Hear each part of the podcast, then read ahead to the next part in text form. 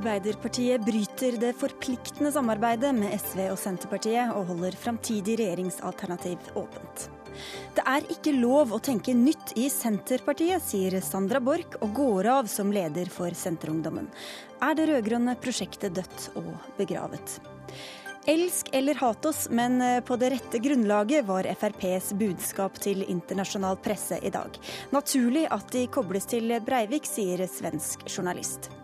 Og Senterpartiordfører mener miljøorganisasjonene er marginale og sære, og burde fått mye mindre offentlig støtte. Skremmende og arrogant, parerer Nina Jensen i WWF.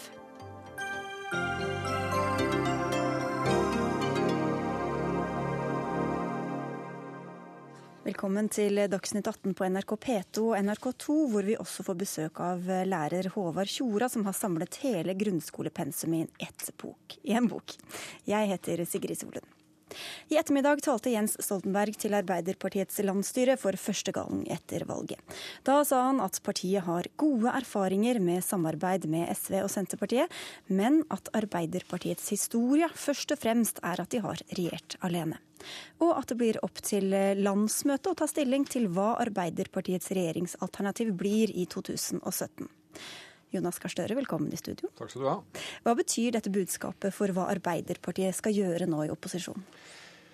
Jeg tror det er en veldig naturlig klargjøring at nå er det regjeringssamarbeidet sannsynligvis over fordi vi tapte valget. Og det er veldig alvorlig, mener vi. Nå er vi da klare for Stortinget, og denne talen til statsministeren og til partilederen da, det var å sette partiet klar for det. Og når vi kommer til Stortinget, så har vi jo veldig gode erfaringer i personsamarbeid og sakssamarbeid med SV og Senterpartiet. Men det formelle samarbeidet som en regjeringserklæring med alle konkrete saker er, det har man jo ikke den tilværelsen.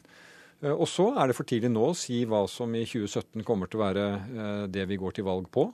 Nå skal vi jobbe som parti, og mye å hente, mye krefter å hente, mye inspirasjon å hente av å være det. Og det var det faktisk en veldig god stemning for på det møtet. Men på hvilken måte vil dere da forholde dere, dere til SV og Senterpartiet? Ja, For det første er det jo mye politikk vi har vært enige om til nå. Ikke som vi har kommet frem til som er blitt god politikk. Og det vil jeg jo anta at vi kommer til å stå på sammen videre framover.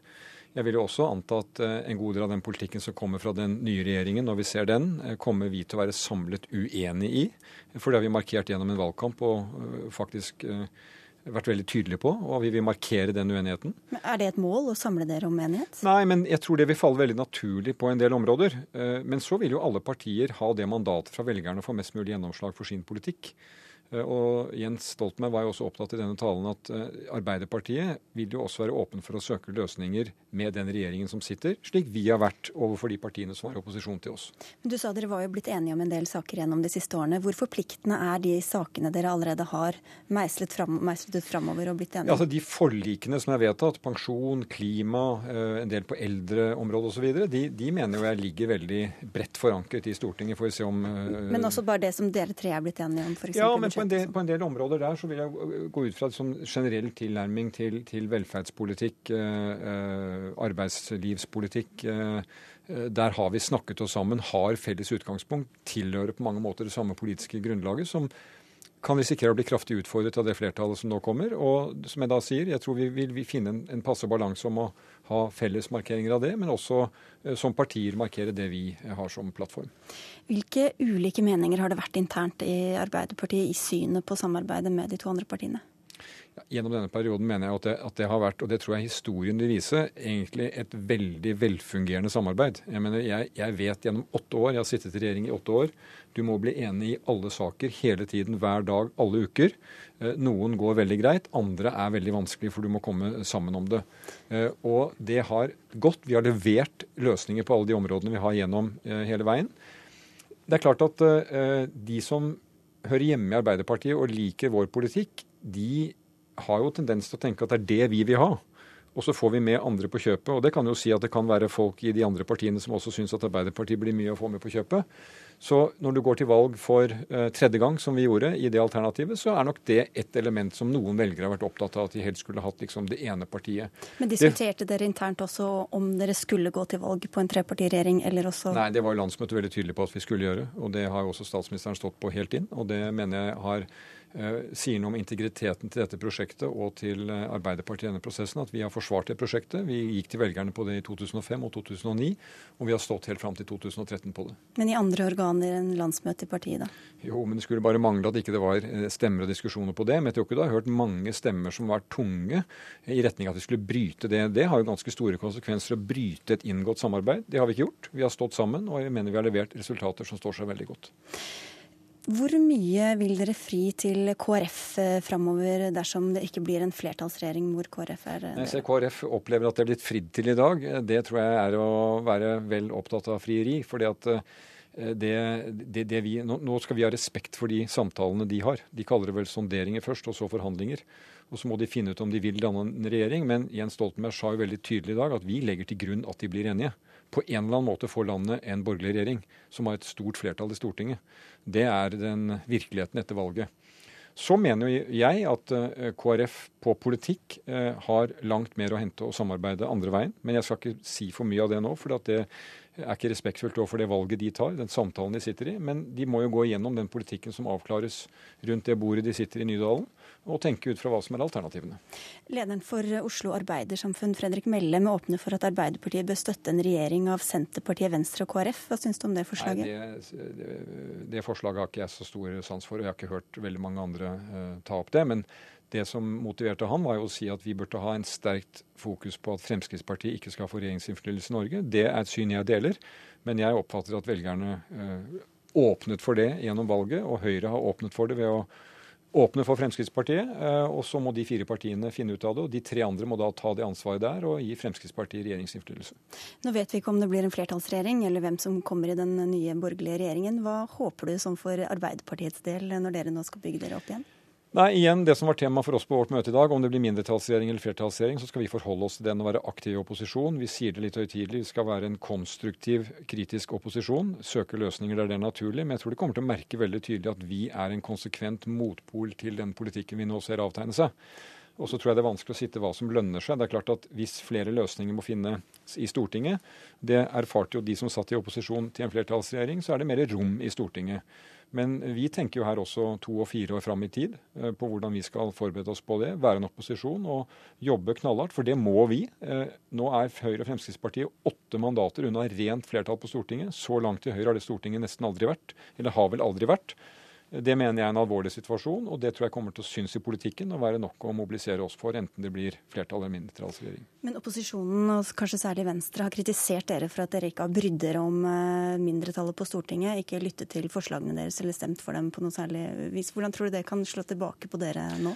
Nei, altså eh, hvis det er slik, og hun mener det har vært eh, ille, så går jeg ut fra at hun kommer til å gjøre ting veldig forskjellig hvis hun kommer i en flertallsregjering. så du håper dere ikke får smake deres egen medisin? Nei, men jeg syns ikke helt det er riktig å si det at det er vår egen medisin, egen medisin. Vi har hatt et flertall, vi har blitt enige, vi har fått gjennomført den politikken i Stortinget.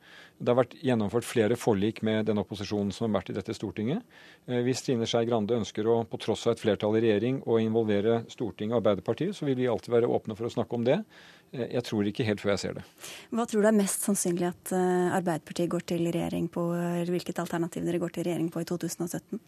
Det vil jeg ikke spekulere i nå, men vi har jo vist ved de tidligere valgene at vi var åpne til å regjere med andre. Eh, nå samler vi oss om oss selv, og så skal vi sørge for at det blir et så sterkt Arbeiderparti som mulig. Da har vi best utgangspunkt for å finne løsninger med de vi eventuelt vil gjøre det med. Sitter du fortsatt på Stortinget da, tror du?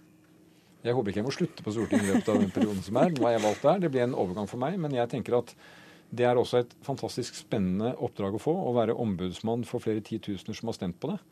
Eh, og for meg så er det å oppdage en del av politikken med en utrolig spennende, ung og dyktig stortingsgruppe og gjøre politikk på den måten. Så det har jeg faktisk tenkt å glede meg til. Takk for at du kom til Dagsnytt 18, Jonas Gahr Støre. Nå skal vi få inn uh, vår eminente politiske kommentator Magnus Takvam. Magnus, hvorfor tror du Arbeiderpartiet legger det rød-grønne prosjektet såpass brakk nå som de gjør? Det er fordi det er helt naturlig når de tre partiene kommer i opposisjon. Vi husker kanskje fra den siste helgen i valgkampen. Da varslet jo Jens Stoltenberg at Arbeiderpartiet i en gitt situasjon kunne regjere alene. Det var nok et utspill ment først og fremst for å prøve å mobilisere en, en del av de siste velgerne for å komme opp på meningsmålingene. Men det har ligget i kortene hele veien at det rød-grønne samarbeidet slik man kjente det fra regjeringstiden, ikke ville fortsette på den måten i opposisjon. Nå har du hørt Jonas Gahr Støre her. Hvordan tror du veien videre blir for Arbeiderpartiet nå i opposisjon i Stortinget? Altså For det første så tror jeg at regjeringsarbeidet for Arbeiderpartiet som parti har konsumert veldig mye energi og kreativitet, sånn at de har behov for å ruste opp partiorganisasjonen og utvikle ny politikk osv. Og også tror jeg utvikle politikere, en del av de nye folkene som de skal satse på fram mot uh, neste valg. Ellers så, når det gjelder uh, å holde, skal vi si uh, De må på en måte samtidig holde vennskapet med Senterpartiet og SV eh, på den ene siden, ikke støte dem fra seg gjennom den måten de driver opposisjonspolitikk på, og samtidig prøve å åpne favnen da for eh, nye partier, Kristelig Folkeparti f.eks. i løpet av denne perioden. Så det blir liksom rammen rundt det, tror jeg. Det er kanskje uansett grenser for hvor raskt man kan markere avstand til noen man har samarbeidet med i åtte år?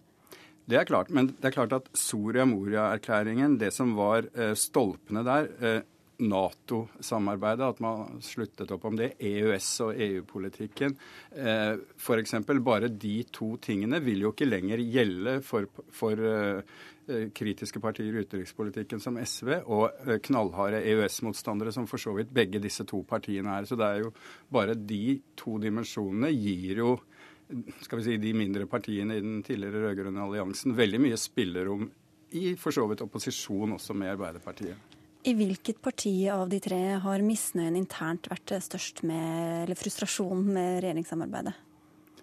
Det er vanskelig å si på Det har nok bølget litt fram og tilbake. Um, I SV slet man jo uh, lenge veldig, og, der har det vært reelle vurderinger av om man skulle fortsette fordi partiet blødde sånn. Man holdt på prosjektet. Eh, nå tror jeg det er veldig misnøye eller frustrasjon i store deler av Senterpartiet. De har gjort et veldig dårlig valg. De sliter helt nede på grunnfjellet og har mistet eh, ant, altså i antall velgere siden forrige valg mens befolkningen vokser. Så de, de er nok i en veldig krevende situasjon eh, på den måten. Vi skal komme tilbake til Senterpartiet, men tror du også det er en viss lettelse å spore ved at man nå kan bygge opp hvert enkelt parti eh, i opposisjon uten å måtte stå til ansvar for alt både den ene og den andre gjør? Det er klart det er lettere å slippe disse tunge kompromissene som, når det er såpass stor avstand i en allianse som, som det tross alt er mellom mellom disse tre partiene. Og det er også konflikter internt mellom Senterpartiet og SV om eh, klassisk miljøvern og, og, og, sånne ting, som har vært slitsomt på mange måter. Og Arbeiderpartiet, det er store, eller deler av Arbeiderpartiets potensielle velgerkorps som er glad for at man frigjør seg fra SV og Senterpartiet. Disse berømte flytvelgerne som man uh, slåss med Høyre om. Så på den måten så, så, tror jeg det er en viss lettelse over det. Og så så tror jeg mange ser på kanskje det rød-grønne prosjektet som en, at det er en naturlig avslutning på det nå. At det ville bli veldig krevende å føre det videre på samme måten i tolv år. Eh, det var ved starten noe enkelte har kalt for et eh, skal vi si, eh, defensivt eller tilbakeslag Et prosjekt som skulle slå tilbake den borgerlige politikken under Bondevik II. Og det var det limet som, som bandt de sammen.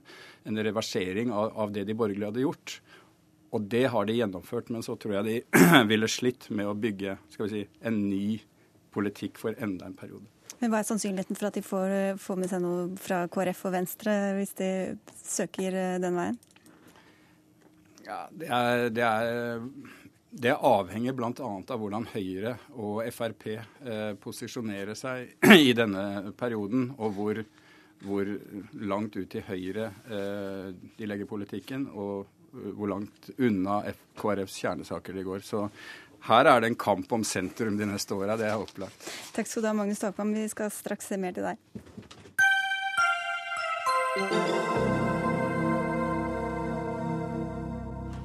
To år var nok for Sandra Borch. I dag sa hun at hun går av som leder for Senterungdommen. Til VG gjør Borch det klart at det ikke er lov å tenke nytt i Senterpartiet, og at det er hovedårsaken til at hun nå takker for seg og trekker seg tilbake til lokalpolitikken. Vi har invitert Sandra Borch hit til Dagsnytt 18, men hun har ikke svart. Men du kom, Per Olaf Lundteigen, stortingsrepresentant for Senterpartiet. Ja, selvsagt. Mange har kalt deg også for eh, bråkmaker eller eh, fargeklatt. Hva syns du om det budskapet Borch eh, kommer med i dag? Det er utrolig viktig for et parti at den har både røtter og vinger. At den har altså både forankring og nyskapning. Og vi har vært gjennom en periode nå hvor en har vært litt skjemt i enkelte kretser over røttene sine. Det å være gårdbruker i Senterpartiet det har ikke vært helt stuereint. Det har jeg merka, jeg som er Senterpartiets eneste melkeprodusent. Og det har også vært de som har vært skeptiske til at den eh, var for nyskapende, og pekte på nødvendige løsninger framover. Så partiet er nødt til altså å samle seg om eh, røtter og vinger, forankring og nyskapning, eller det som eh, i klesbransjen kalles for en god designer. Men Hvordan er det kommet til uttrykk da, mener du? Nei, Det har kommet til uttrykk ved at den har blitt for tradisjonell, den har blitt for stillestående. Og det er klart at regjeringssamarbeidet har vært en slitasje, fordi at en har vært nødt til å gå i en rekke kompromisser. Og det er jo ikke tvil om at på viktige politikkområder så er Senterpartiet som det grønne partiet annerledes enn de to røde, SV og Arbeiderpartiet. Ved din side sitter en som du ofte er ganske uenig med, men kanskje dere er mer enige her, Ivar Vigdenes. Du er Senterparti-ordfører, har også ofte vært på parti med Sandra Borch, hvis det er lov å si det. Hva syns du om at hun gir seg nå? Jeg syns det er beklagelig at uh, Sandra gir seg. Uh, det er jo nå har vi fått uh, fire år der vi også kan, hvis vi skal se det positive valgresultatet forrige mandag, da, så har vi i hvert fall fått muligheten til å drive egenutvikling og politikkutvikling. Og den muligheten må vi selvfølgelig ikke la gå ifra oss. Og Da er det synd at Sandra ikke er der. Jeg syns Sandra har vært drivende dyktig for, for, partiet. Når det er sagt, så er det på langt nær sånn at jeg og Sandra er enige i, i alle spørsmål. Eh, altså, men eh, men eh, at det har vært dyktig, det er det ikke noen tvil om. Senterpartiet har svelget altfor mange kameler, sier hun til VG. Er du enig i det? Nei, det er jeg faktisk ikke. Jeg, mener, jeg tilhører faktisk dem, og det opplever jeg at det er ganske godt gehør for i, uh, ut uh, ned på grasrota òg. Og det er at partiet har fått godt gjennomslag i regjeringa som vi nå går ut av. Vi har fått til en økning i investeringene i infrastruktur, i vei og jernbane, som merkes hver eneste dag, i hvert fall i Stjørdal, i min hjemkommune. Eh, vi har fått bedra kommuneøkonomien, vi har fått styrka overføringene til landbruket. ja, men bare for å ta noen viktige grep i de departementene hvor vi har sittet. Og utbygging av fornybar energi aldri vært større enn det som ligger foran oss de her årene. Så Senterpartiet har levert politikk i denne regjeringa. Det tror jeg det er eh, bred enighet om. Men det man kanskje har vært litt dårlig på, eh, det som vi nå får en mulighet til å fornye og ta tak i, som vi kanskje kunne ha vært flinkere på før òg, det å drive politikkutvikling ved siden av. Det å hele tida løfte prosjekter og visjoner for framtida, det tror jeg er grunnleggende viktig hvis en skal eh, søke oppslutning i valg. Og det har vi kanskje lyktes med bedre lokalt mange plasser enn det man har gjort nasjonalt. Altså Valgresultatet det sier vel eh, mer enn alt om hvordan folk ser på det vi har gjort i regjering. Valgresultatet det er eh, svært dårlig. Det er meget alvorlig. Så folk syns ikke dere har levert, tror du? Nei, jeg er rimelig sikker på det. At en hadde langt større forventninger. At vi skulle føre til systemendringer på en eh, rekke områder. Eh, F.eks. på kommunikasjonssida så er det riktig her at eh, på vei så er det gjort mye, men på det området som er mest avgjørende og viktigst for ungdom, nemlig fiber til hvert enkelt hus, Altså få en utbygging av fiber på samme måte som vi fikk strøm og telefoni i sin tid. Der har vi ikke makta det som er målet, nemlig å få fiberkabler fram til samtlige hus i Norge. Vi har med oss en tredje partifelle på telefonen. Jenny Klinge, du er også stortingsrepresentant for Senterpartiet. Er det mulig å tenke nytt og annerledes i Senterpartiet, sånn som du opplever det? Jeg mener at det definitivt er det. Eh, vi har nå på landsmøtet i april bl.a. annet vedtak om at vi vil melde Norge ut av Schengen. Det var en høyst kontroversiell sak, og et eh, hvert fall nytt i norsk sammenheng det at et parti går til skrittet å vedta det. Vi har også gått inn for kvinnelig verneplikt. Og videre en del saker der Senterungdommen også da, i de nevnte sakene har vært frontkjempere og virkelig fått gjennomslag. Sånn at det det som jeg er opptatt av nå, det er det for det første uh, synd at Sandra trekker seg. Hun har vært markant, tydelig, tøff, og jeg har støtta henne hele tida. Uh, men ikke i alle saker. som Vigdenes også var inne på. Og Det som er, jeg syns blir synd, det er at det blir framstilt som at Senterpartiet er et parti der det er låg takhøyde. For er det en ting jeg opplever, det er at vi har langt høyere takhøyde enn de fleste andre partier.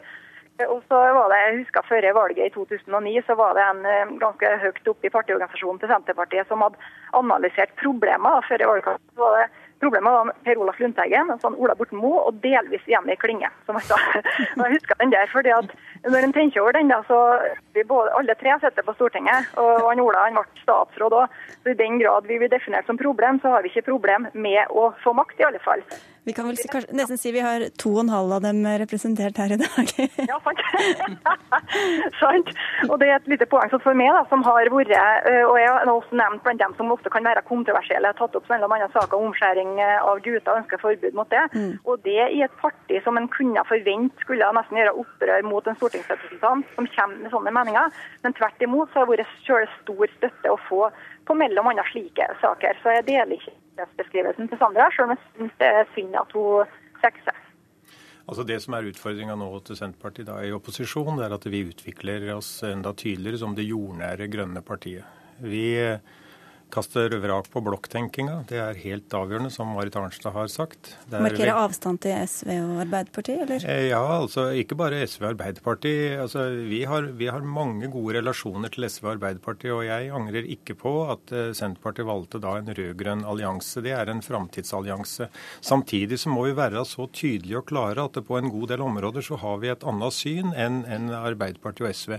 Altså Innafor det som kalles for vernepolitikken. Det er ikke noe vernepolitikk, det. Det er båndlegging båndlegging. Det er båndlegging av fornybare naturressurser, og Senterpartiet skal da være det jordnære alternativet. Jeg var med å slåss her Trillemarka-saken, som hadde brei oppslutning i Buskerud. Det var et stort, stort tap for meg da at uh, vi tapte den saken, på tross av at både Arbeiderpartiet og Senterpartiets stortingsgruppe gikk for det som var kommunenes uh, vern-alternativ, som innebar at alle trua arter ble sikra. Hva er din oppskrift for veien videre, Vigdenes? Jeg tror at vi nå må benytte muligheten til å diskutere politikk i Senterpartiet. Har dere ikke gjort det? Eh, jo, men kanskje har vi gjort det for, eh, for lite. fordi at eh, eh, man kan betrakte valgresultatet som et svar på to ting. Det ene er som Per Olof sier, at Eh, velgernes dom over hva vi har oppnådd, men det er også sånn at velgerne, når de stemmer i valg, så stemmer de for hva man skal gjøre framover. For neste fireårsperiode vyer og visjoner for framtida. Jeg tror at vi kunne vært flinkere på å bygge opp prosjekt som skaper da eh, gjenklang og tilslutning også utover de, utover de områdene hvor vi er mest profilerte og dyktige i dag. Ikke at vi skal gjøre noe mindre av dem, men vi kan altså breie ut partiet, eh, og da må vi begynne med en ideologisk diskusjon. Og la meg det skje. Jeg er helt enig med Per Olaf. Jeg syns at Senterpartiet skal være det jordnære grønne partiet partiet den tredje polen i norsk politikk. Eh, og Det betyr at vi skal bl.a. bygge ut mer fornybar energi, vi skal redusere energiforbruket. Og så skal vi Det blir vanskelig å gjøre det i opposisjon, men eh, Ja, men vi skal, vi, vi, kan, vi skal bidra konstruktivt i opposisjon. Sånn som vi gjør alle landets kommuner. Om vi sitter med makt eller om vi ikke sitter med makt, så skal vi bidra konstruktivt. Du får få en liten avslutningsreplikk her, Lundteigen. Ja, Det er spørsmål om klare standpunkter som gir tillit og troverdighet, og de bygges over tid, sånn at folk kan være klar over at det stemmer på Senterpartiet, så veit du hva du får. Takk skal dere ha, Per Olof Lundteigen og Jenny Klinge med oss på telefon. Du skal bare ut og trekke pusten så vidt, Ivar Vigdenes, før du er tilbake igjen. For da får vi eh, inn eh, våre flere kommentatorer. Drude Beer, du er kommentator i Nasjonen, og du kjenner Senterpartiet. Hvordan tolker du dette utspillet og avgangen til Borch? Det er på en måte litt overraskende. Fordi at hun har vært en veldig sterk personlighet. Og det er ikke riktig når hun sier at hun ikke får gjennomslag og det ikke går an å stille spørsmål i Senterpartiet. Det er hun selv et levende bevis på. Hun har, hun har eh, fått en fått tydelig plass, og det er jo Hun har satt, som man sier, Senterungdommen på kartet. Hun har virkelig gitt ungdomsorganisasjonen stor oppmerksomhet. Og det er eh, men, men, eh, og hun fikk på landsmøtet fikk, fikk Senterungdommen gjennomslag for ting som Jenny Klinge nevnte. Schengen, strengere EØS-politikk.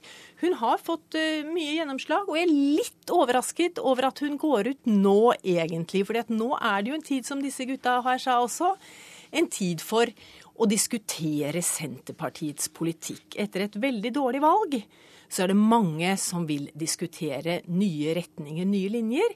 Der kunne hun vært med. Magnus Takvam, politisk kommentator i NRK. Går det an å si at hun representerte en fløy i Senterpartiet? Ja, hun eh, sier jo f.eks.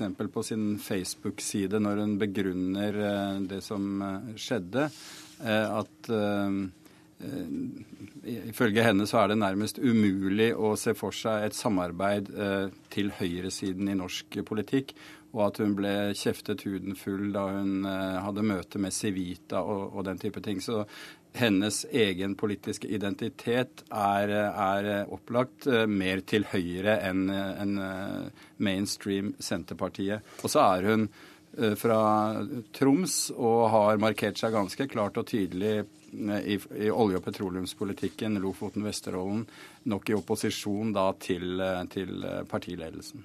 Og Der stemte hun jo imot eh, vedtaket fra sin egen ungdomsorganisasjon. Så hvor mye handler det om takhøyde, hvor mye handler det om illojalitet, eh, Drudeberg? Nei, Der var hun veldig overbevist, og hun var jo ikke den eneste. Hun stemte jo, altså, hun stemte jo for Ola Borten Moes eget eh, forslag om å starte oljeboring i en del av Lofoten som allerede var konsekvensutredet. Så sånn sett var hun ikke så ensom, men hun stemte mot sin egen eh, ungdomsorganisasjon, og det ble ikke så veldig godt mottatt. Men Hvordan har partiet reagert? Altså, det er ikke bare politikk hun har vært kjent for. Hun har holdt på med lettkledde kalendere og andre ting som har skaffet henne oppmerksomhet. Ja, det har skaffet henne oppmerksomhet, og ungdomsorganisasjonen oppmerksomhet. Og det har hun selvfølgelig fått både ros og ris for. Det hun kanskje har fått mest ris for, det, og som kanskje ikke har vært så veldig heldig, det er at hun har lansert Ola Borten Moe som ny leder i partiet lenge før det var aktuelt med et skifte. Altså Hun sa det, ikke, det, ikke, det skal ikke skifte leder nå i 2013, men neste gang, senere, er Ola Borten Moe min kandidat og den beste partilederen. Og det er klart, det skaper uro i partiet, og det skaper usikkerhet hos Det svekker nåværende leder. Får partiet en ny lederstrid, eller i hvert fall lederdebatt nå, tror du, Magnus Takvam? Det kan man ikke utelukke. Men de jeg snakker med som også er kritiske til dagens eh, partiledelse, Navarsete, eh, vil nok forsøke å vente litt med det. Jeg tror selv de som eh, gjerne ville hatt en ny leder, ser at det ville være et ganske svært sjølmål å sette i gang en, en, en, lederdebatt akkurat nå. Men jeg er overbevist om at fram mot landsmøtet i 2015 så vil man få det. Og det, da, da er det ikke veldig, veldig vanskelig å spå at man nok går mot et lederskifte i, i Senterpartiet. Men det er, det, er, det er, ikke opplagt å peke på hvem det blir. Ola Borten Moe er jo, som vi vet, ikke i, i, Stortinget, og det er vanskelig å ha en leder som ikke sitter på Stortinget. Drudeber, vi hørte tre senterpartister her i stad, og Olaf, Per Olaf Lundteigen sa at partiet ble straffa for å ikke ha fått nok gjennomslag i regjeringen. Er det en gjengs oppfatning i Senterpartiet, tror du? Der er det delte meninger, tror jeg. De har fått til De fikk jo omsider et relativt godt jordbruksoppgjør. De fikk, har fått gjennom eh, den såkalte ostetollen, som Arbeiderpartiet har stilt seg veldig solidarisk med. Altså, Utenriksministeren har jo forsvart den, eh, den ostetollen til det siste, så, og de har fått gjennomslag for økning av matproduksjonen med 20 Så de har etter hvert fått eh, en del gjennomslag, og for samferdselspolitikken, som de har arbeidet systematisk med gjennom mange, mange år. Hva blir viktig nå da for Senterpartiet når de skal evaluere og se framover, Magnus Takvam? Jeg tror nok de eh, må eh, De vil opplagt reindyrke profilen. Nå får de lov til å være mot EØS og kjøre kamp mot EU. Og, og de vil også slippe eh, alliansen med SV i klassisk naturvernpolitikk, som, som, vi har vært inne på.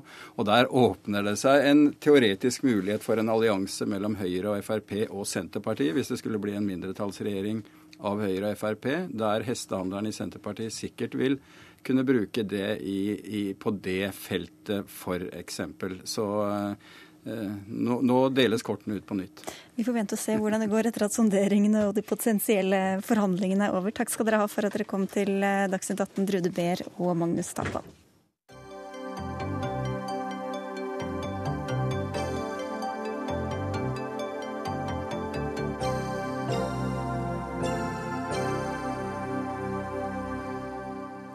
Foreldre som skammer seg når barna ber om hjelp til leksene, kan kanskje få hjelp i en ny bok som samler hele grunnskolens pensum i kortversjon mellom to permer. Den skal også være tillegg for alle elever mellom første og tiende klasse, skape nysgjerrighet og lærelyst. Og forfatter av boka, det er deg, Håvard Tjore. Ja. Hva får deg til å tro at det skoleelever savner ved siden av alle fagbøkene, er enda litt mer fag? Nei, jeg vet ikke om det savner enda litt mer fag, men uh det jeg har ønska å gjøre med denne boka, det er å synliggjøre hva eh, elevene skal kunne noe om i løpet av disse ti årene de er i grunnskolen. Så det jeg har gjort i denne boka, det er å ta alle kompetansemåla i da, to av de største lesefagene, naturfag og samfunnsfag. Eh, og så har jeg skrevet om alle disse målene. Og fylt ut eh, hva det dreier seg om. da. At det er de målene som myndighetene har satt for hva hver enkelt elev ja. skal kunne på et visst tidspunkt. Ja, og det er jo som vi ser i, i lærebøkene som de har i skolen, så er det jo eh, om de samme temaene i og for seg. Eh, men det er ikke målene som står først. Der er det, Nå har vi om middelalderen, nå har vi om andre verdenskrig f.eks. Så her er det, dette er rett og slett en oversikt over det elevene skal kunne. Og det tenker jeg er en, eller som jeg syns var en fin ting da jeg begynte å skrive denne boka, det er at da alle disse målene er samlet på ett sted. Og som forelder så er det veldig lett å få oversikt over hva er det barna skal kunne noe om i løpet av disse ti åra. Og som elev også. Og jeg vet i hvert fall at jeg som elev hadde blitt nysgjerrig på å skulle finne ut av hva det egentlig som forventes at jeg skal kunne for noe. Men du har, altså Mange kjenner deg fra før. Du har skrevet bok om mattemagi, du har en spalte i Dagbladet, og du har vært lærer for skoletrøtt ungdom på TV. Mm. Men hva sier det om tiltroen din til skolevesenet og til lærerne og til bøkene at du føler at du trenger å samle disse disse kompetansemålene i en egen bok? Nei, jeg har ikke noe problem med tiltroen til skolevesenet. Det er ikke egentlig en reaksjon på det som gjorde at jeg har skrevet boka.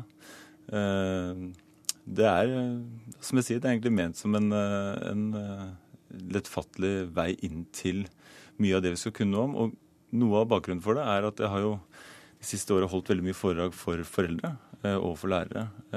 Og gjennomgående så er det jo veldig mange av disse foreldrene som jeg møter. Og ikke bare foreldre i og for seg, men voksne folk da, som da er ferdig med skolen for lenge siden, som sier at de har glemt veldig mye av eh, det, vi skulle, det, vi lærte i sin tid. Da. Og det gjør det vanskelig også å skulle henge med på hva er det barna driver med nå. De har om svartedauden, hva husker jeg egentlig om svartedauden? Eh, så det var også noe av ideen, at det skal være en lettfattelig inngang til, til eh, ting vi alle sammen har hørt om da, og lært om i sin tid. Og da holder det ikke med internett? Nei, eh, det merket i hvert fall jeg når jeg skulle skrive dette. at Du begynner å søke, så er det jo voldsomt mye som, som kommer inn, og så skal man begynne å sortere Eh, blant alle kildene som er. Eh, og jeg syns i hvert fall det var veldig fint å få det sammen på et sted. Men hvilket ansvar mener du foreldrene har for å holde seg oppdatert på den kunnskapen som barna skal lære? Jeg tenker jo at det er jo en Altså, foreldre må jo følge opp det unga driver med på skolen. Det jeg har vært veldig opptatt av å si noe om, det er at det er ikke foreldrene som skal undervise i det vi driver med på skolen. Uh, og det er jeg også litt opptatt av i forhold til uh, vår yrkesstolthet som lærer. At, altså, jeg for min del har seks års utdannelse for å drive med undervisning. Og jeg forventer ikke at hvem som helst kan undervise like bra som det jeg kan, med så lang utdanning som jeg har for å gjøre den jobben. Men jeg ønsker jo at foreldre skal engasjere seg i det unga lærer, og at de kan uh, være med å diskutere, være nysgjerrig sammen med dem. Eh, kanskje har de noe påfyll å komme med. Vi har jo ikke glemt alt vi lærte om. Eh, Litt sånn kreativ det, læring, hva du husker? Ja, ikke sant. Men det er noe med at man kan dele noe, noen felles felles kunnskap hjemme òg, da. Men Du sa du var opptatt av å vise hvilke kompetansemål, altså hva, hva, de faktisk skal ende opp med å lære. Hvor eh, mange tror du skjønner det i skolen i dag? Hva som egentlig er målet med det, og poenget med det de sitter og pugger og leser? Det er vel det jeg også hadde et inntrykk av, at det er mange som ikke helt har den oversikten. Og det er kanskje ikke så himla rart, eh, fordi eh, det er ikke alle skoler som presenterer dette her for elevene. Noen skoler er veldig flinke til det og være helt tydelige på at denne perioden skal vi lære om dette, og målet er at vi skal kunne disse tingene. Andre steder så er det omtrent slik man sier slå på side 42 i boka, og så leser vi de neste 20 sidene. Og Det husker jeg også fra min skoletid, at da vi skulle ha prøver, så var det jo ikke var aldri sagt på forhånd hva vi egentlig skulle legge vekt på. Vi fikk beskjed om vi skal prøve i kapittel 5, f.eks. Og jeg satt og leste kapittel 5 som om alt var like viktig. Jeg husker vi skulle ha fylkesprøve. Jeg pugga alt som var å lese om fylkene. Jeg pugga til og med arealet i fylkene. Det kunne, kunne jo finne på å dukke opp. Og det tenker jeg det var fullstendig unødvendig. Og hadde vært helt tydeliggjort at det jeg måtte kunne, det var å plassere disse 19 fylkene eh, og plassere fire av de største byene, så hadde det vært en helt annen oppgave.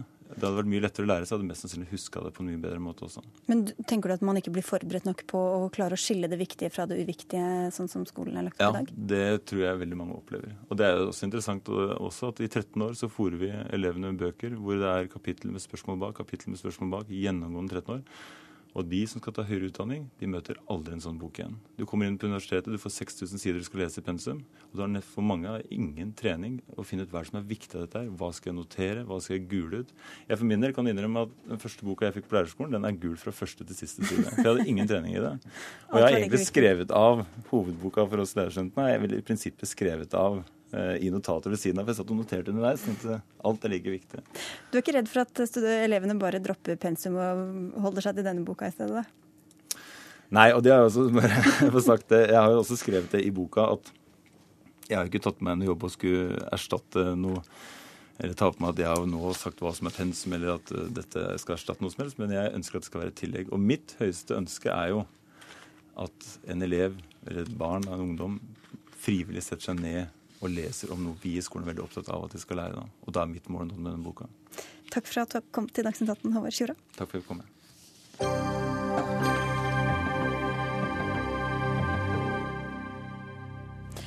Elsk eller hat oss, men gjør det på det rette grunnlaget. Det sa nestlederen i Fremskrittspartiet Ketil Solvik-Olsen under dagens pressekonferanse, hvor partiet forsøkte å slå tilbake på omtalen det har fått i flere internasjonale medier. Der var du, Bjørn Lindahl, korrespondent for Svenska Dagbladet i Norge. Hva skriver du hjem om etter dagens eh, pressekonferanse? Det har vært så mye som har skjedd i dag, så det får nok bli først i morgen jeg skriver om dette. Men det var jo en litt spesiell opplevelse. Eh, det er første gangen som jeg blir på en måte kalt inn som utenlandsk journalist og stilt til ansvar for eh, alt hva hele Europas aviser skriver. Ja, for Fremskrittspartiet har mislikt måten eh, de er blitt omtalt om i flere internasjonale aviser, bl.a. en kobling til Anders Behring Breivik. Du sa til VG i dag at det ikke er så rart at, blir, får, at denne koblingen oppstår. Hva mente du med det? Nei, altså, jeg syns det er helt forståelig at Fremskrittspartiet nå er livredde for å få Anders Behring Breivik med på lasset når man skal ta og danne en ny regjering i Norge. Men for utenlandske journalister så er Breivik eh, den største nyheten siden andre verdenskrig, eh, og formodentlig større enn hva nyheten om Norges okkupasjon var. Og da ser man allting gjennom den hendelsen. Og det som har skjedd nå eh, med valgresultatet, er at fra at eh, Utøya og alt det som skjedde i all sin grusomhet, var en god sak for Norges omdømme. Eh, det er ingen sak som har skapt så mye sympati for Norge i resten av verden. Så har det plutselig blitt en dårlig sak for omdømmet. For nå må alle utenlandske medier prøve å forklare ja, men det her folket som var så fantastisk, som, som ikke gikk og ropte på hevn, utan gikk med rosemarsjer og sånt. Hva har skjedd? Hvorfor eh, tar de og gir eh, Jens Stoltenberg sparken? Og hvorfor tar de med seg da Fremskrittspartiet, som da har en liten, men allikevel en liten forbindelse til Anders Behring Breivik. Men Er det også spørsmål og oppfatninger du har fått fra din svenske redaksjon, eller fra folk du, altså i Sverige? Ja, altså det er jo helt klart at eh, det folk er interessert av i Sverige, er dels eh, den norske oljerikdommen, og, og så er det eh, Breivik, og så er det Fremskrittspartiets rolle. Det er liksom de tre spørsmål som svenskene er mest opptatt av. Kristian Norheim, du er leder for internasjonal avdeling i Fremskrittspartiet. Hvorfor følte dere dette behovet for å kalle inn internasjonal eh, presse i dag? Fordi at det har blitt presentert et fullstendig vrengebilde av Fremskrittspartiet. Hvem vi er, eh, hvor vi kommer fra og hvilken politikk vi står for. Eh, det aller verste er selvsagt denne koblingen opp mot Breivik. En, en terrorist og en morder som dessverre en gang var medlem i Fremskrittspartiet men som da meldte seg ut. Og som da meldte seg ut eh, fordi han følte seg uvel over et parti han eh, mente sto i veien for hans eh, mål, og han mente at vi var en del av det sentrale problemet. Og jeg må si at jeg er overraska over svenska Dagbladet her og Bjørn Lindblad, som mener at det er viktig å se på koblingen med Fremskrittspartiet og Breivik. Det er altså nesten ingen, altså jeg kjenner ingen politiske redaktører i norsk presse som mener at dette har noe relevans for å forstå det norske valget. Så jeg er jo er altså den eneste som, som, mener at dette har en relevans, som jeg har sett, det er eh, denne eh, førsteamanuensisen fra Bergen, Alf Gunvald Nilsen, som skrev i The Guardian, og som da definerer seg som ortodoks marxist. Han mener at det har relevans, og Svenska Dagbladet. Det er jo ikke helt uh, sånn det skal forstås. Men norske UD har gjort en rapport der de har sett på bevakningen. Og De slår fast at de utenlandske mediene har egentlig ikke skrevet noe som er feil. Men at det er litt uheldig at uh, Fremskrittspartiet da uh, omnevnes samtidig, og at det skjer såpass ofte. Men det er ingenting feil i rapportene. Så at, eh, om du sier at det er en, en total feilbilde, så er fakta rett. Nei, altså her må jeg bryte inn. fordi at her er det rett og slett et vrengebilde. Altså ved at man gjør den koblingen. Altså alle i Norge, oppegående mennesker, friske mennesker, de er, er prega av det som skjedde eh, den 22. juli. Eh, så det er det på en måte ingen, det er ikke diskusjon i Norge. Nei, altså Poenget er at man drar, man drar, det ut i en kontekst som blir helt fullstendig feil. Det at uh, det skulle ha, det skulle ha noen, Nei, men kan jeg bare mm. snakke ferdig nå? Det at det skulle ha noen konsekvenser, enten at Jens Stoltenberg skulle bli gjenvalgt, eller at Fremskrittspartiet skulle gå på et tap nå pga. det som skjedde 22.07. med terroristdåden. Altså, jeg, jeg, fatter ikke hvordan man kan liksom dra den linja. Det blir så forenkla analyse. Det er ikke vanskeligere enn å si at her har vi et land som blir rammet av terror. Av en terrorist som vil begrense innvandringen. Og så, to år senere, så vinner det partiet, eller kommer i regjeringen, som er mest innvandrerkritisk. Det er ikke vanskeligere enn så. Og den, den oppgaven er jo vår, at vi må forklare dette. Og vi må gi alle nyansene. Jo, men, men det at han nevnes i, i, saken uh... Ja, men Jeg nevner Anders Behring Breivik vel så ofte når jeg skriver om Jens Stoltenberg. Men, men det er ingenting som sier at jeg har ikke, jeg har ikke eh, sagt at han er medlem i Fremskrittspartiet. Det er alle mine artikler. Jeg skrev det kanskje en gang etter at han ble tatt.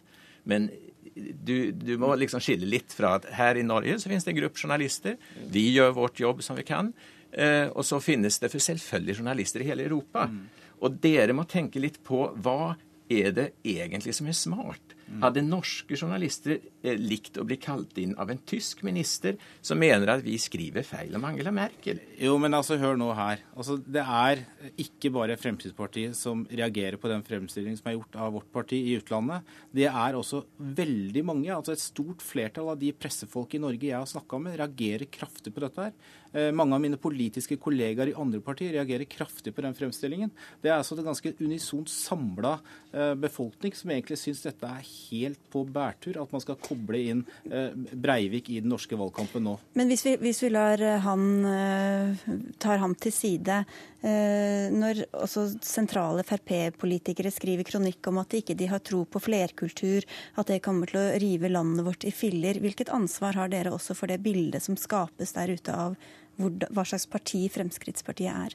Jo, altså, det, her mener jeg det er viktig også å få fram noen nyanser. For det første så er det jo også en, av, en del av den internasjonale altså dekningsvært nå, hvor vi blir kalt både høyreekstreme, høyrepopulistiske og høyreradikale. Det også gir også et vrengebilde av hvem Fremskrittspartiet er. Og så henger man seg opp i enkeltkronikker. Man henger seg opp i utspill fra enkeltrepresentanter.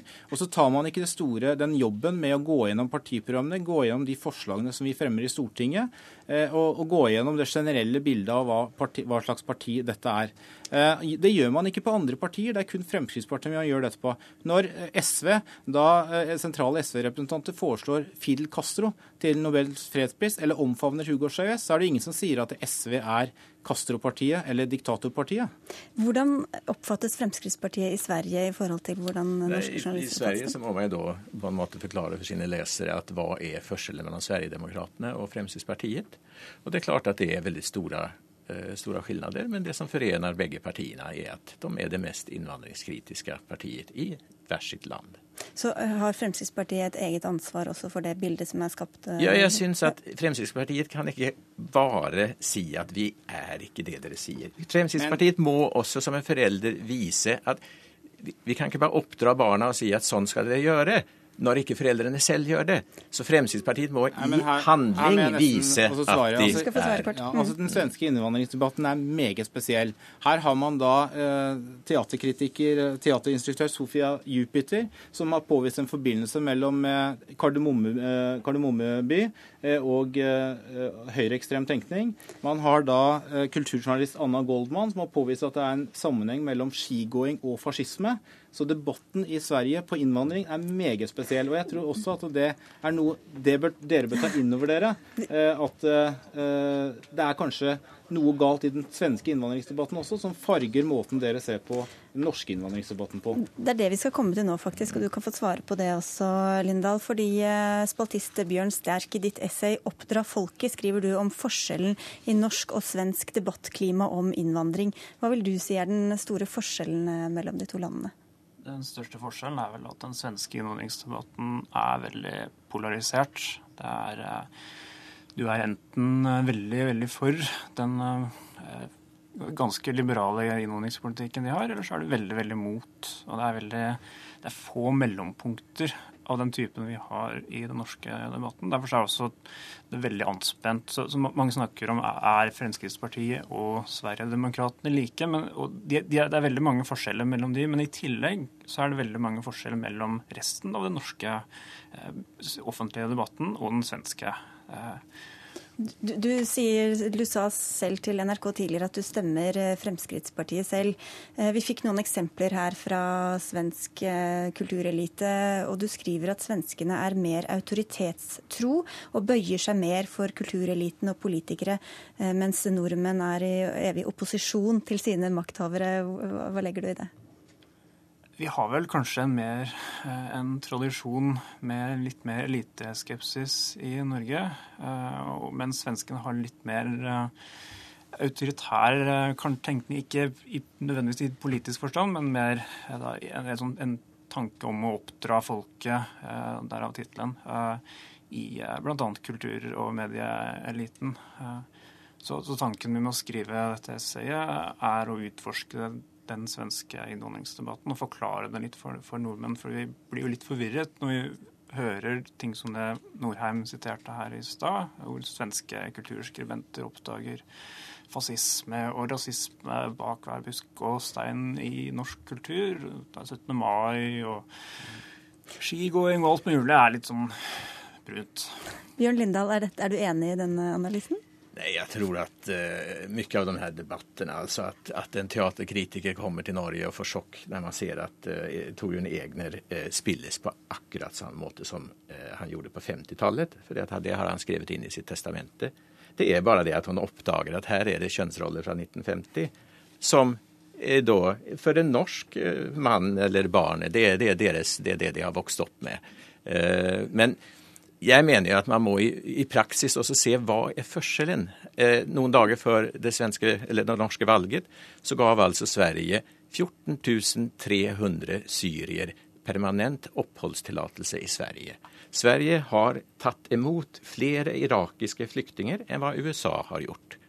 Det er altså i praksis som vi har handlet, og dette er en borgerlig regjering som har gjort. Men påvirker dette synet på altså den, den debatten dere har, eller kulturen dere har, også synet på f.eks. Fremskrittspartiet i Norge?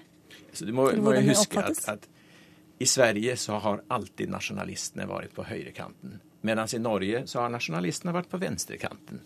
Og da har man en totalt ulik historie til eh, Altså, vi får frysninger på ryggen når vi ser altfor mye svenske eh, Karl 12.-soldater marsjere inn i Riksdagen og, og åpne den og sånn. Så, så vi, vi liker ikke å, å ha for mye flagg. Eh, vi, vi flagger ikke så veldig mye på våre eh, stuer, stuer heller. Jeg får også frysninger av å se, å se den svenske nynazistbevegelsen marsjere i gatene i Sverige. Og Det er jo det som er litt spesielt med Sverige. Eh, Jeg er glad i Sverige, men Sverige er jo da det eneste landet i Norden hvor nynazistene faktisk marsjerer i gatene. Eh, Og jeg syns du skal ta den utfordringen litt mer sånn, og kanskje gi oss et mer forklaring på det. Altså nå vi Skribenten Henrik Arnstad som utga en bok for litt siden som het 'Elskade fascism', hvor han faktisk drar en eller annen merkelig kobling mellom barnetogene på 17. mai, eh, mellom flaggheisingen eh, på 17. mai og 17. mai-feiringen inn i en fascistisk kontekst. Hvordan er det mulig å gjøre noe sånt i Norden? Altså, det, Det er for at du, er, du har vokst opp i Norge. For deg er alt dette ufarlige symboler. Et flagg er en ufarlig symbol. Det det Men det er ikke, det er ikke Mener ufarlig. du at det er et farlig symbol? Det, ja, i visse Mener du at barnetog er et farlig Nei, farlig men altså, ta, ta det tyske riket. Altså, de kan brukes både positivt og negativt, ikke sant? Og, Unnskyld at jeg gjør Nei, ja, nei, jeg skulle bare tenke, jeg skulle høre med deg, Bjørn Sterk. Hvordan kan eh, nordmannen og svensken forstå hverandre bedre, tror du, i Nei, det er ikke lett. Det er mange av de ordene svenskene bruker som tydeligvis har en litt annen betydning enn når vi bruker den på norsk. Så vi lar oss lure litt av at språket er så likt. Når svensken sier rasist, så mener de noe mye, mye bredere enn enn når nordmenn sier det. Um, men det var interessant det du påpekte her om eh, den, den eh, oppholdstillatelsen til syriske flyktninger. Og det er jo et eksempel på den, det som da må være Europas mest eh, liberale asylpolitikk. Eh, Og det er en politikk som mange svensker er stolte av, men også mange svensker som er veldig, veldig imot. Eh, Og den debatten den virker det ikke som de klarer å føre på en saklig måte. Den er veldig, veldig polarisert. Ok, Dere får få en avslutningsreplikk her hver. Ja, al- jeg, altså, jeg kjenner en god del til svensk politikk. Jeg har eh, selv studert statsvitenskap og har fulgt Sverige ganske tett. Du har jo faktisk hatt eksempler i svenske partier, spesielt da i Folkepartiet Liberalerne, hvor du hadde bl.a. innvandringspolitisk med Mauricio Rojas for noen år siden. og Han ble omtrent mobba ut av Sverige og fryst ut av det politiske landskapet. Man rivde også ned Nyamko Sabuni når hun var integrasjonsminister. og Hun var også skulle ta tak i innvandringsspørsmålene. Man river det ned og frosser de ut. Ok, Bjørn Lindahl, du får få en avslutningsreplikk, du òg. tenkte bare å avslutte det og å si at, at Fremskrittspartiet har en utfordring, og det har også den norske regjeringen. Eh, Breivik kommer nok med på lasset i flere omganger. Takk skal dere ha for at dere kom til Dagsnytt 18, Bjørn Sterk, Kristian Norheim fra Fremskrittspartiet og Bjørn Lindahl fra Svenska Dagbladet.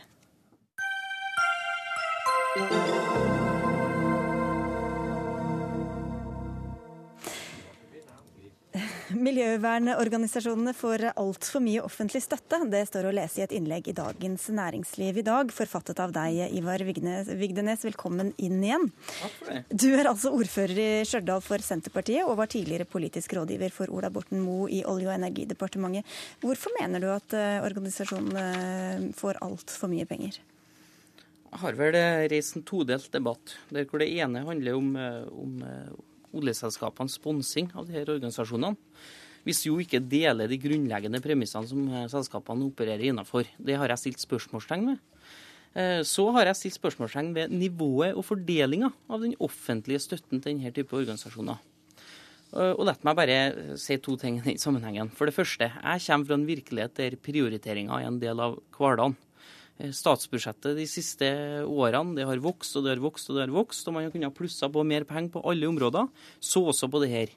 Grunnstøtten til eh, miljøbevegelser og miljøorganisasjonene har økt med eh, henholdsvis 6,5% og 13 altså langt over lønns- og prisstigningen de siste årene. Eh, og er det en riktig prioritering? Den diskusjonen syns jeg det er viktig å ta. Dernest, hvordan er fordelinga av de her, eh, de her midlene? Eh, Vi kjenner jo til at organisasjoner som eh, har bred folkelig tilknytning og appell, som Folkeaksjonen ny rovdyrpolitikk, svært viktig arbeid som de legger ned for, for artsmangfoldet i Norge, har måttet kjempe og kjempe og kjempe for å få støtte over offentlige budsjetter. Mens det her da sitter noen organisasjoner som ikke er organisert på den måten, med den folkelige legitimiteten, og mottar beløp som er skyhøyt over det som, eh, som man her har anledning til å få. Vi holder oss til den andre debatten ettersom det ikke er noen oljeselskaper her eller noen som har mottatt penger derfra. Men Nina Jensen, generalsekretær i WWF Norge, hva syns du om det Vigdenes sier? Jeg syns det blir litt eh, smålig og litt eh, arrogant. Og det virker som man ikke eh, har helt oversikten over for det første det arbeidet som WWF og andre miljøorganisasjoner gjør. Men så syns jeg også det er en litt underlig sammensausing av midler som oljeindustrien gir, og midler som det offentlige gir. Som kjent så er altså ikke oljeselskapene og staten det samme, selv om Vigdenes har jobbet ivrig de siste tre årene for en relativt tett kobling mellom de to. Eh, Så vil jeg bare si at WWF som organisasjon får ikke én krone fra oljeindustrien, eh, og vi vil heller ikke ha det.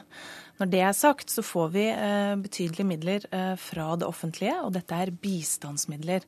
Dette er altså penger som brukes til å bedre livssituasjonen og livsgrunnlaget for noen av verdens absolutt fattigste. Vi har over 30 eh, utviklingsprosjekter i Afrika, Sentral-Asia, Øst-Europa og Sør-Amerika. Eh, og å ønske å flytte pengene som vi bruker her, til Stjørdal, syns jeg blir eh, litt underlig kobling fra, fra Vigdenes. Men jeg vil spørre deg, Vigdenes, for Du skriver gjentatte ganger i innlegget ditt eh, at det er snakk om smale, marginaliserte særinteresseorganisasjoner og alternative stemmer. Hvorfor er det så smalt og sært å jobbe for et bedre miljø, bedre klima mot fattigdom? De er jo smale per definisjon, for de har et veldig klart avgrensa formål som de jobber mot. Eh, og hvor da, da helhetstenkninga blir ivaretatt gjennom den offentlige forvaltninga. Og det skal vi nå være eh, veldig glad for, tenker jeg. Så det er, smalt, det er smalt å jobbe for et bedre klima, men det er bredt Nei. å jobbe for oljeindustrien? Nei, jeg har ikke karakterisert eh, jobben for, eh, som er gjort i, i offentlig forvaltning. Men ja, jeg opplever at helhetshensyn er veldig grunnleggende tankegang i norsk offentlig virksomhet, og det er jeg som sagt veldig glad for. Men jeg har lyst til å utfordre Nina Jensen på én ting. Syns ikke hun sjøl det er litt problematisk? Og nå må jeg jo beklage at Nina sitter her som representant for mange uh, ulike organisasjoner, og, jeg forventer, at, forventer, ikke at hun skal svare for de andre. For her er det forskjeller organisasjonene imellom, og bare la det være klart. Men, men sånn grunnleggende sett, er det ikke noe kritisk refleksjon over det faktum at sto, den aller største andelen av inntektene til de her såkalte miljøorganisasjonene kommer ifra offentlig virksomhet, som de da sier at de skal være kritiske til?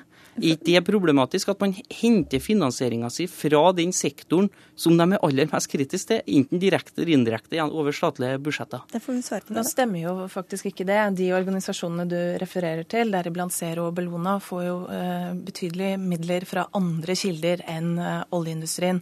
Så får jo de svare selv for hvorfor de velger å ha den eh, koblingen. Og andre enn offentlig forvaltning også. Ja, absolutt. Eh, men Nei, om, om, du syns det, ja, til, til spørsmålet spørsmålet fra Vigdenes eh, om at dere skal få penger fra dem dere også skal kritisere og jobbe mot? Nei, det ser jeg ikke noe problem med i det hele tatt. Eh, og de midlene som Vigdenes refererer til i vårt tilfelle, det er jo snakk om bistandsmidler.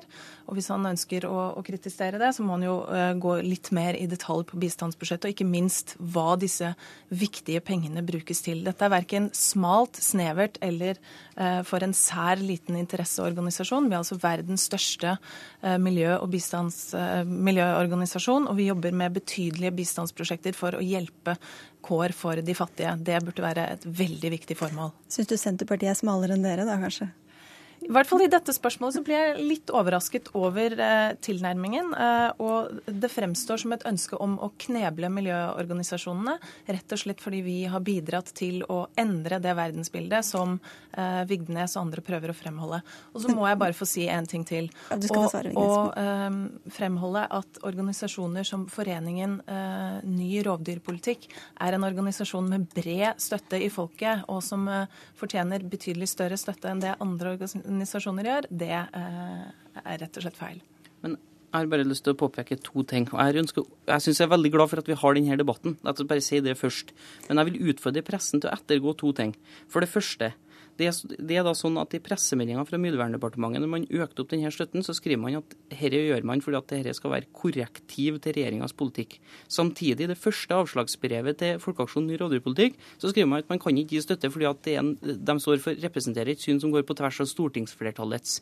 Nå vet jeg ikke om Nine Jensen mener at hun står for et syn som representerer stortingsflertallets, men det, men det er demokratisk utfordring. Vi må se på hvordan man fordeler de her midlene her, og dere må ettergås grundig, mener jeg. Og så er det det andre. Kort, ja. Ja, og, så, og, så, er det det andre til de ulike prosjektene. Jeg syns det er veldig bra at WWF driver med bistand. Jeg vet at de har hatt prosjekter der det har vært korrupsjon og mislighold i Tanzania også. Uh, og jeg syns jo at bistandsprosjekter generelt bør uh, også gås gjennom grundig. Vi må se på hva vi bruker penger på i staten, akkurat som vi gjør i kommunene. Husholder med midlene som vi har til rådighet, rett og slett. Der er det sikkert enig. Et, et kritisk blikk på organisasjoner, hvem som får penger og hva pengene brukes på, og at disse brukes på en god måte, er vi selvfølgelig helt enig i. Eh, men eh, å flytte pengene fra verdens fattige til Stjørdal, som det eh, Vigdenes foreslår, det er altså ikke noe vi støtter. Det er da ikke det jeg har sagt. Du får, du får sette din lit til den nye regjeringa, at de prioriterer annerledes enn det din gjorde da, Ivar Vigdenes. Takk skal dere ha for at dere kom til Dagsnytt 18, også til deg, Nina Jensen. For nå er sendinga slutt for i dag. Ansvarlig for den var Siri Siri Storstein Hytten. Teknisk ansvarlig Finn Lie, og jeg heter Sigrid Solund.